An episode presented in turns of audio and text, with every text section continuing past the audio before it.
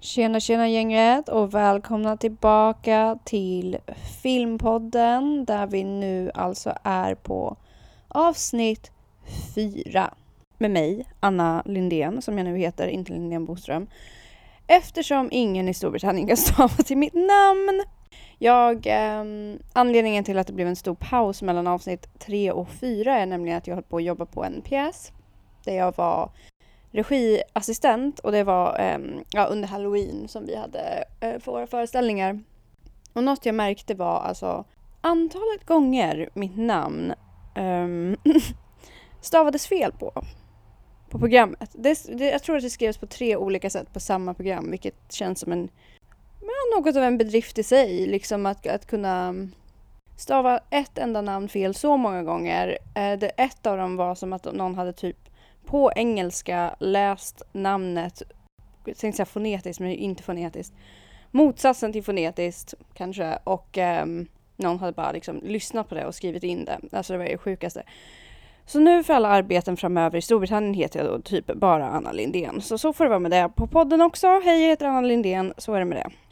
Men, men, då är vi tillbaka. Eh, jag hade ju då tänkt göra halloween special och prata om skräckfilmer men det blir försenat och nu är det inte halloween längre så att jag kör på en enda film som jag har tittat på två gånger och funnit väldigt eh, intressant. Kanske inte ens särskilt bra, alltså den är inte särskilt dålig. Stra stark trea typ, men det är alltså X av eh, Ty West som också gjort den här uppföljaren då, eh, Pearl med Mia Goth i huvudrollen. Men det som intresserade mig mest med den här filmen var eh, idén av um, eller om ålderdom som någon slags skräckfantasi och då särskilt den kvinnliga ålderdomen. Um, men X är alltså då en slasherfilm skriven, regisserad och producerad av Ty West, eventuellt även klippt av. Och filmen följer ett gäng unga och snygga människor som tillsammans ska göra en kontroversiell porrfilm på ett gammalt um, pars ranch ute på landet i Texas. Och Mia Goth spelar då huvudrollen som Maxine, the final girl, eh, som en liksom kokainsnortande eh, heting eh, med blå ögonskugga och eh, drömmar om att bli känd och berömd och allt. Allt det här utspelar sig, ska jag väl tillägga också, på 70-talet. Vilket gör den blå ögonskuggan särskilt potent. Den blå ögonskuggans tid kanske. Och musiken i filmen kommer direkt från 70-talsporrens värld, vilket jag tycker var väldigt LOL, för de studsiga så här äh, basslingorna och så är så himla karaktäristiska. Alltså de blir liksom nästan löjliga i sin pastisch för det är så här alltså snälla, jag ska, inte, jag ska inte vara en bas här nu, men den enda stunden när filmen verkligen tappar bollen för mig är när det blir någon slags singalong i vardagsrummet efter de har filmat en sexscen på underdagen då. Men alltså jag behöver inte gå igenom hela handlingen för det är väl inte därför någon kanske lyssnar på det här. Det kan man titta på själv. Men det är ju spännande det här med hur mycket kritik också, som också har utfärdats mot eh, skräckgenren eftersom den så ofta själv gränsar mot det pornografiska. Till exempel då i sin bearbetning av våld mot kvinnor som en del av någon slags erotisk skräckfantasi. Eller, ehm, ja men alltså vad kan man tänka? Det är mycket så här snygg tjej i, i tajta kläder blir jagad, eller typ inga kläder, blir jagad genom en skog av en stor läskig man som ska komma och ta henne. Liksom. Alltså det känns ju väldigt väldigt basala animaliska fantasier vi pratar om här och psykoanalysen skulle ha väldigt mycket att säga om det här skulle jag väl kunna tro. Men um, psykologi av psykologi, psykoanalysavsnittet har, kommer inte riktigt än. Främst för att jag måste läsa på en del. Men genren i alla fall utgörs i alla fall av många filmer där män just förgriper sig på kvinnor på diverse olika nervkittlande sätt. Då, då. Um, och då kan man ju fråga sig om det finns en glädje att se våld utföras mot kvinnor, även om kvinnorna i just den här genren ofta faktiskt är huvudpersoner. Eller om det är så att det är lättare att identifiera sig med kvinnan som jagad och svag och då därmed också lättare att sätta sig in i hennes situation och känna den här skräckkänslan. Liksom. Men jag, jag läste en jättespännande bok som hette typ hitta tigen inom dig eller något sånt. Jag ska inte säga att den boken var jättespännande, det var den inte. Men um, den sa självhjälpsbok typ om att hitta sin inre, sitt inre rovdjur.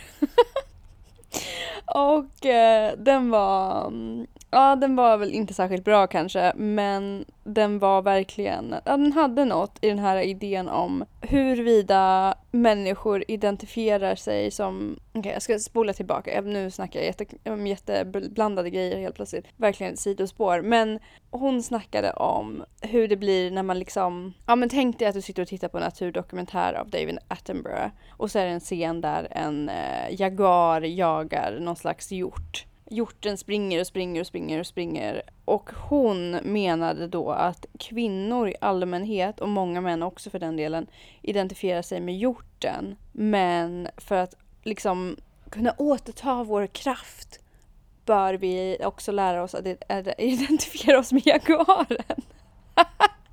Var Jaguaren i ditt liv? Ja men äh, snälla, alltså det är så, självhjälpsböcker kan vara så himla loll ibland alltså. Men ja, det har väl kanske någonting. Och då tänkte jag i alla fall på skräckfilm. Identifierar vi oss med den jagade kvinnan, som det ofta är då, den jagade snygga kvinnan? Eller identifierar vi oss med eh, mannen som jagar henne med en eh, chainsaw? Ja, det ska sägas också då att X är ju väldigt inspirerad av, eh, inspirerad av Texas Chainsaw Massacre. Men ja, vi får återkomma till det. Men filmen är framför allt riktigt stark estetiskt.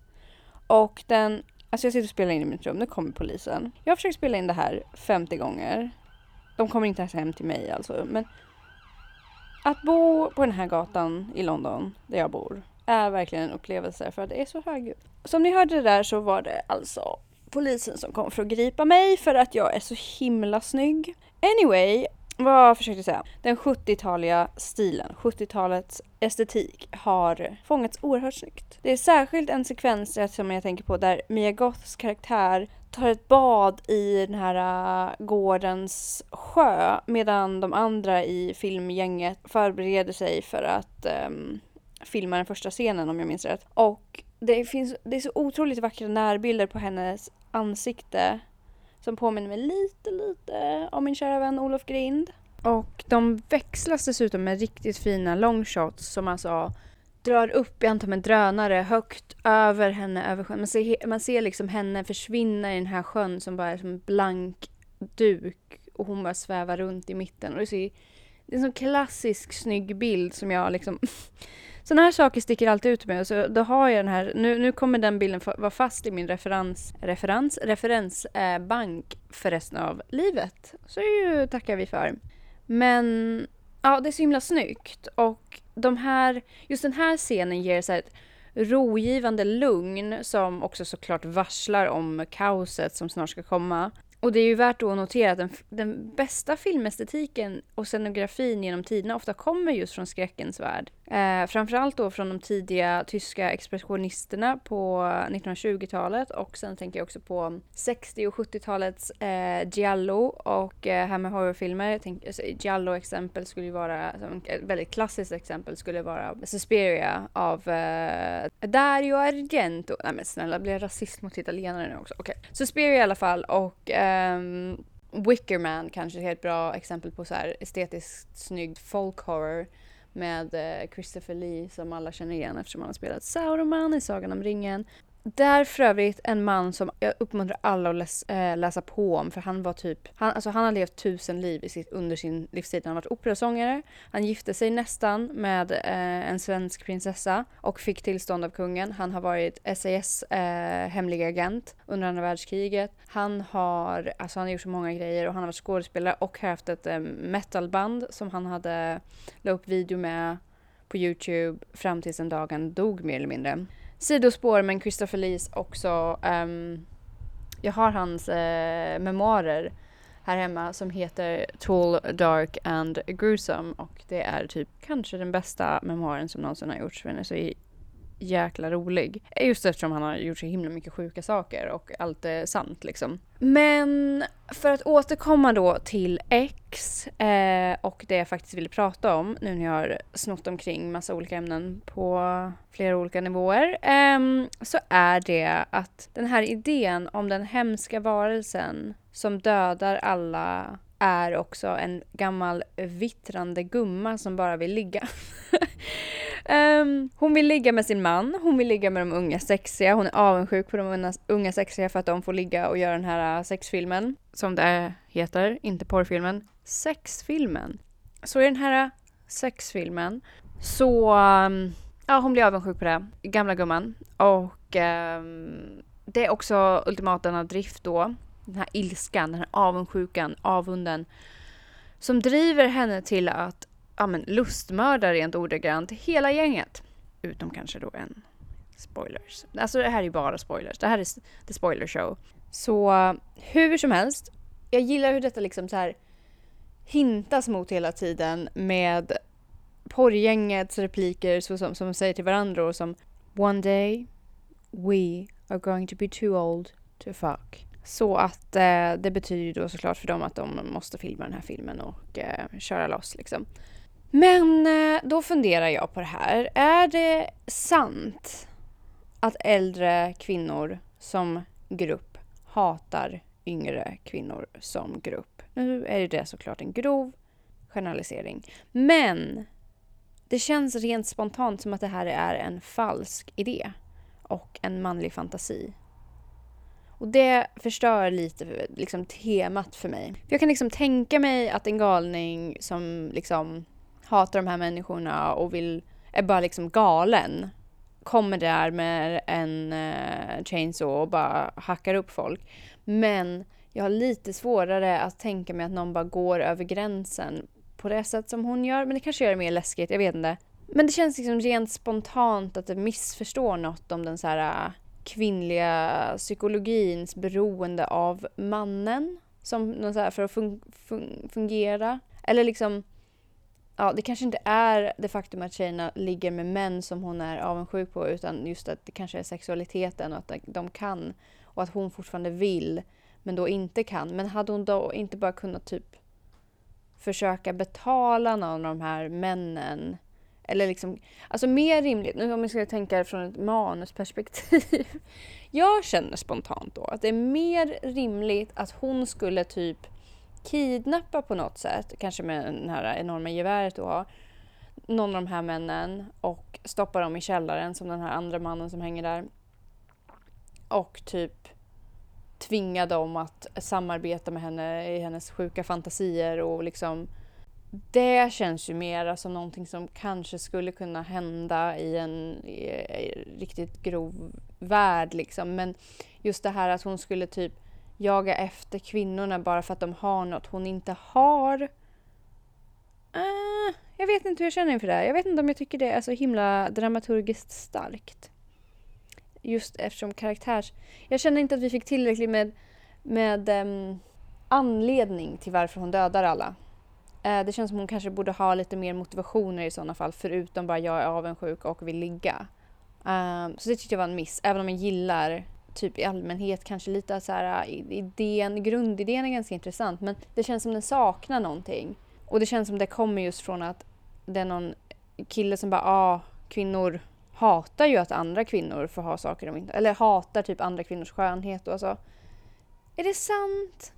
När kvinnor hatar andra, kvinnors, andra kvinnors skönhet brukar ju snarare bli så att, de, att vi försöker bli varandra. Alltså jag tänker på typ tjejer jag var avundsjuk på i skolan för att de var så himla snygga, var ju för, eller de populära tjejerna liksom. Det var ju liksom, då vill man ju typ nästan bli dem. Man liksom började efterapa dem på så här, um, också ganska instabila sätt och sådär. Men jag höll inte på med det så länge för jag insåg att det inte skulle funka. Men det känns mer som att, ja, ja, men det kanske är härligt att hon får bejaka sin våldsamma tendens. Det kanske, det kanske säger något om henne om Pearl liksom. Ja, jag vet inte. Alltså den äldre kvinnan, för jag har inte sagt det, heter alltså Pearl. Och eh, det kan bli lite förvirrande om man sett att Mia Goths karaktär heter det i nästa film. Men det, det finns en förklaring till det. Eh, och genom filmen har vi också det här eh, temat med televangelisterna, alltså televangelists, eh, de, eh, de som predikar på tv och snackar om synd och livet och att bejaka um, livet och inte, inte låta sig falla inför eh, frestelse och så vidare. Och eh, det spelas liksom hela tiden i bakgrunden på en sån här TV och det ger en eh, väldigt specifik eh, eh atmosfär som tyckte funkade riktigt, riktigt bra för att där, alltså jag har haft så här period typ, jag blir så besatt av speci väldigt specifika ämnen under vissa perioder. Och en av mina besattheter har ju varit bokstavstrogna kristna i, i, i USA, södra USA specifikt. Det finns mycket eh, information om dem online. Alltså fundamentalist Christians som de då kallas, eller fundies, som är så här galna kristna i USA som håller på med massa grejer, bland annat sånt här du vet att dricka rå mjölk, det är de besatta av just nu. Att eh, alltså opastöriserad mjölk då. Och eh, ha tio barn under något som heter det. Quiverful, så heter det. Det är alltså en beskrivning här på Google säger Quiverful is a Christian theological position that sees large families as a blessing from God. It encourages procreation, abstaining from all uh, forms of birth control, as well as natural planning and sterilization. Alltså man får inte eh, använda naturlig familjeplanering eller sterilisation. Och det här är en jättestor rörelse i konservativa Amerika, framför allt då i de södra staterna som eh, är en jättestor del av liksom den konservativa rörelsen eh, eh totalt för att den konservativa rörelsen i USA är ju väldigt eh, intimt kopplad till den här eh, idén om eh, kristendom som ofta är eh, en ganska eh, bisarr tolkning kanske av, av, av Bibeln.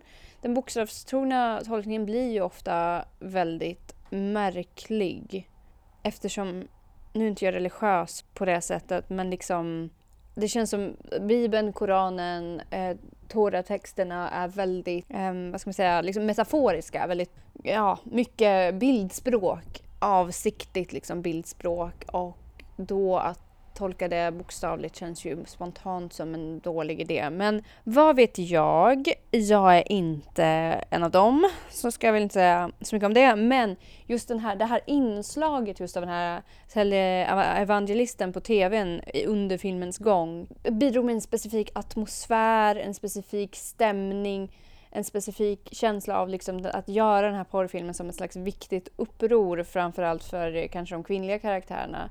Älskade karaktären um, den blonda Bobby Lynn. Hon var toppen, så här, som var kaxig och smart och ja, men självförtroendet var verkligen inget fel på där utan stark om jag skulle gissa hennes astrologi så skulle jag gissa att hon var ett lejon. Väldigt stark lejonenergi på den kvinnan. Men vad säger det då att de här unga tjejerna är såna här snygga kvinnor i sina bästa år som ska ligga på film för att det ska vara sälja och bla bla bla bla bla. Och så har vi då det värsta, det mest skräckinjagande vi kan tänka oss är en åldrad och därmed i, i vår kultur i alla fall osexig och onödig kvinna som vill bejaka sin sexualitet. Den läskigaste som finns, alltså en gammal tant som vill ligga. Och vissa har kallat den här genren, eller den här typen av story, eh, för en egen subgenre med namnet Psychobiddy, typ psykad gammal kärring. Och där den gamla gummans ålder är det viktigaste och det mest skräckinjagande. Den åldrade kvinnan förlorar sitt värde och, eller sin sexuella liksom makt, sin sexuella dragningskraft kanske och därmed blir hon också sedd som någon slags värdelös, farlig entitet som måste hållas borta på alla, alla möjliga sätt. Och Alltså jag menar hur ofta ser man ens gamla kvinnor i Hollywoodfilmer? Det är ju väldigt sällan om det inte är typ Betty White som spelar en gammal eh, gullig farmor typ. Och det, det, är intressant att liksom så fort kvinnans fertilitet försvinner, ja då försvinner också hennes värde som människa. Och jag tror att det finns en rädsla där för den åldrade kvinnan som kanske Eh, liksom personifieras eller, eller kommer ut i de här typer av, den här typen av film där liksom den gamla gummans ålder inte är visdom, styrka, livserfarenhet, intelligens, kärlek utan det blir liksom den här eh, Snövits onda styvmorstämning när hon kommer med äpplet i skogen och liksom lurar Snövit liksom den, den goda är också den vackra och den onda är den gamla och den fula. Och det här gäller ju inte bara kvinnor då utan även kan ju vara ja, men liksom kopplingen mellan hur funktionshindrade skildras och den här kopplingen just mellan att vara annorlunda eller liksom bara inte ung längre eller bara att ha ett ben istället för två gör en liksom till ett hot. Det yttre hotet som inte passar med gruppen och därmed är farlig eller då måste avbildas som farlig. Och det tycker jag är väldigt intressant. Jag kan prata specifikt avsnitt kanske om just funktionshinder på film för det är en väldigt eh, snårig fråga tycker jag. Som, alltså det finns så mycket att säga där och det ska jag inte liksom dra in under den här eh, skildringen. Men då för att återgå till det. Um, ja, så den åldrade kroppen blir en symbol för, för den åldrade kvinnans ruttnande inre värld liksom som också i det här fallet då inspirerar henne till att utföra diverse våldsamma, hemska och rent okvinnliga akter. Att en kvinna blir gammal och inte längre är tillgänglig på samma sätt är såklart det värsta som, som kan hända. Och egentligen är det väl den ultimata frigörelsen från vårt samhällssystem. Alltså att man liksom äntligen kan få chilla lite. Men det skulle ju vara skönt om det också skildrades någon gång. Att ålder kan vara, speciellt för kvinnor tror jag, ganska, ganska jäkla nice. Och liksom inte känna det här äh, kravet längre på just det, det fertila kravet. Jag tror att det kan ha någonting. Jag tror att det kan ha, nu är inte jag en kvinna efter menopaus, men jag eh, kan tänka mig att det kan vara jävligt nice på sina ställen. Men det är då också ett tematiskt hot mot vårt kära status quo. Och filmens teman är just de här ungdom mot ålderdom, tro mot synd, personligt värde och djup sorg när man känner att man har förlorat det här värdet då som i Pearls fall som känner att hon har förlorat sin skönhet och därmed också sitt värde. Och jag tycker detta är ett oerhört intressant ämne i vår extremt ungdomsbesatta kultur den icke-fertila kvinnan är liksom frigjord från den fertila periodens konstanta krav och kanske för vissa också hot och den här känslan om att inte vara helt autonom och, eller ha makt över sin kropp. Liksom. Men den här haggan är liksom kvinnan som har tappat värde i den sexuella ekonomin. Och det, det är onekligen ett jättespännande ämne men jag tycker att det finns mer att hämta där än vad som kanske har skildrats här. Något jag faktiskt verkligen gillar med filmen är att det är ovanligt att den här final girl-tjejen då, alltså den som alltid, det brukar alltid vara en kvinna som, eller tjej, ung tjej oftast, som överlever hela grejen, hela passion liksom och är den enda som står kvar i slutet.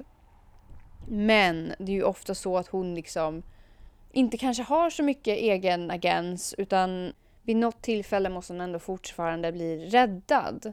Men Maxine, Mia Goth, är alltså ovanlig i det att hon verkligen slår, slår tillbaka och faktiskt aktivt dödar båda de här, äh, det här gamla paret då. Till skillnad från i filmens främsta inspirationskälla då är Texas Chainsaw Massacre där Final Girl-tjejen gråtande kutar till sin räddning som är en äh, man som kommer i en bil då och kör henne därifrån. Och det är också intressant att Maxine i nästa film tar Pearls namn. Så ungdomen segrar men endast efter att hon antar den gamla kvinnans namn. Och därmed lever också den, andra, den, den gamla kvinnans namn kvar i henne och hennes ande kvar i henne genom henne. Liksom. Och jag tänkte på om man kan reflektera kring Pearl som Maxines skuggjag. Det vill säga det hon fruktar allra mest. De är varandras spegelbild och det är intressant att de båda är spelade av Mia Goth. Så det känns som Maxine är... Nej, förlåt. Pearl är Maxines största rädsla. Det vill säga att bli gammal utan att kunna göra alla de här sakerna hon vill göra. Det är det hon fruktar allra mest. Att inte bli känd, att inte bli sedd, att tappa hennes skönhet och att syna bort utan att hon någonsin får se rampljuset. Och som Pearl skriker i slutet innan hon dör då är You're not special. It will all be taken from you. Mwahahaha. Typ. Och um, Maxine, uh, Maxine hon skiter i det. Hon säger I'm not like you. I'm a fucking star. The whole world is going to know who I am. i kör med pastorn på tvn säger hon sen I will not accept a life I do not deserve. Och det är väl det som kanske är skillnaden mellan de här två. Maxine har någon slags inre reserv av enorm makt. Hon har liksom den här enorma styrkan, den interna styrkan som känns som den skulle kunna krossa vad som helst som är runt henne medan hon då sladdar iväg, snortar en lina till kokain och säger “Praise the fucking Lord” medan Jesus dinglar i framrutan.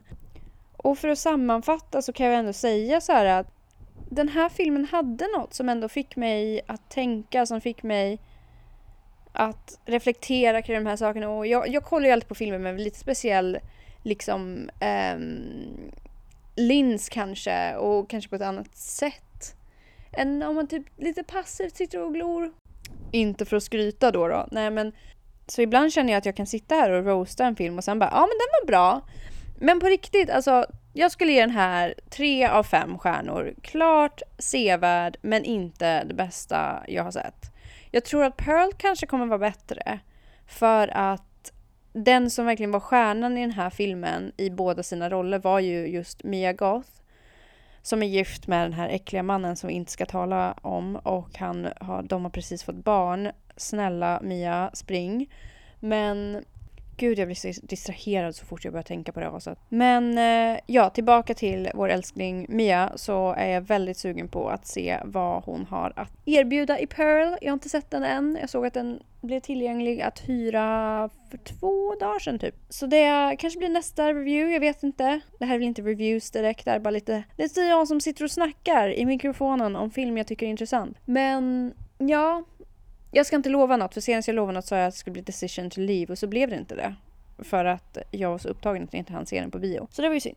Men jag ska försöka ordna upp det här schemat igen och eh, jag tänker att tisdagar kan jag spela in och fredagar kan jag släppa. Men nu är jag ju så sprattig att det kanske blir tvärtom. Vi får se! Nu spelar jag in det här på en fredag och så tänker jag att jag släpper det på en fredag och så börjar vi med det. Okej, puss och hej älsklingar. Vi hörs nästa vecka hoppas jag. Nu ska vi hoppas att jag inte trillar i ett hål igen och försvinner och under en hög av ja, konstiga arbetsuppgifter. Alltså att vara regiassistent. Det var intensivt. Det var väldigt intensivt. Det var första gången jag jobbade med teater överhuvudtaget. Jag har aldrig jobbat med teater förut och eh, det var en speciell upplevelse som jag tror jag tyvärr nu har blivit helt beroende av. Så Förhoppningsvis kommer jag få regissera en kort pjäs i vår och jag ska även vara kostymör på en stor pjäs. Alltså jag vet inte, jag har så många konstiga arbetsuppgifter just nu. Eller inte så konstiga men liksom stort ansvar och väldigt lite tid och helt plötsligt är jag mitt uppe i den här teatervärlden som jag aldrig varit inne i förut. Och, uh, ja, så efter, efter att jag varit regiassistent och under den här pjäsen då som jag var där på så Uh, gjorde jag även, uh, var jag även kostymör bara för att den andra kostymören liksom inte kunde göra klart sina grejer eftersom hon hade någon sjukdom i familjen eller något liknande. Så hoppade jag in och gjorde kostymdesign. Och uh, så nu är jag kostymdesigner. Jaha, så kan det gå. Jag tror att jag blir en sån himla yes man. Men jag tänker man kan, måste ju bejaka alla de här grejerna när de dyker upp liksom. Jag hur många gånger i livet kommer någon bara dyka upp och fråga vill du vara kostymör? Klart jag vill vara kostymör. Vem vill inte vara kostymör liksom? Det skulle vara sjukt att säga nej. Så nu är jag kostymör, regissör, författare, skoja, inte författare än. Manus, nästan författare. Det vill säga, jag har skrivit manus men de har inte filmatiserats. Och jag är även, vad är jag mer? Jag är poddare nu, hej hej, och jag är akademiker så småningom. Uh, när kan man börja kalla sig akademiker? Alltså jag är inte akademiker nu, men blir man akademiker när man gör en PhD? Är det då man är officiellt akademiker? När är man akademiker? Hör av er och berätta för mig var gränsen går. Okej, nu ska jag sluta sitta här och jiddra och uh, sen kan vi bara tänka på att svenska regeringen består just nu av uh, nazister och det är ett problem. Och jag tycker det är viktigt att fortsätta kalla dem vad de är, det vill säga nazister. Vi har nazister i hela regeringen nu, inklusive vår kära statsminister som kan dra åt helvete. Så älsklingar, stötta era grannar, solidaritet med er community och håll ihop där ute. Världen är grym just nu, men jag tror vi kan göra någonting om vi alla håller ihop och visar kärlek mot varandra. Puss, puss, puss, puss, puss, puss, puss! Och sist men inte minst, sluta mobba gamla kvinnor. Jag tänker bli 105 år och sitta med min lilla häxkittel och eh, bjuda alla barn på kakor och ha det så jävla gött. Okej? Okay? Det satsar vi på. Puss!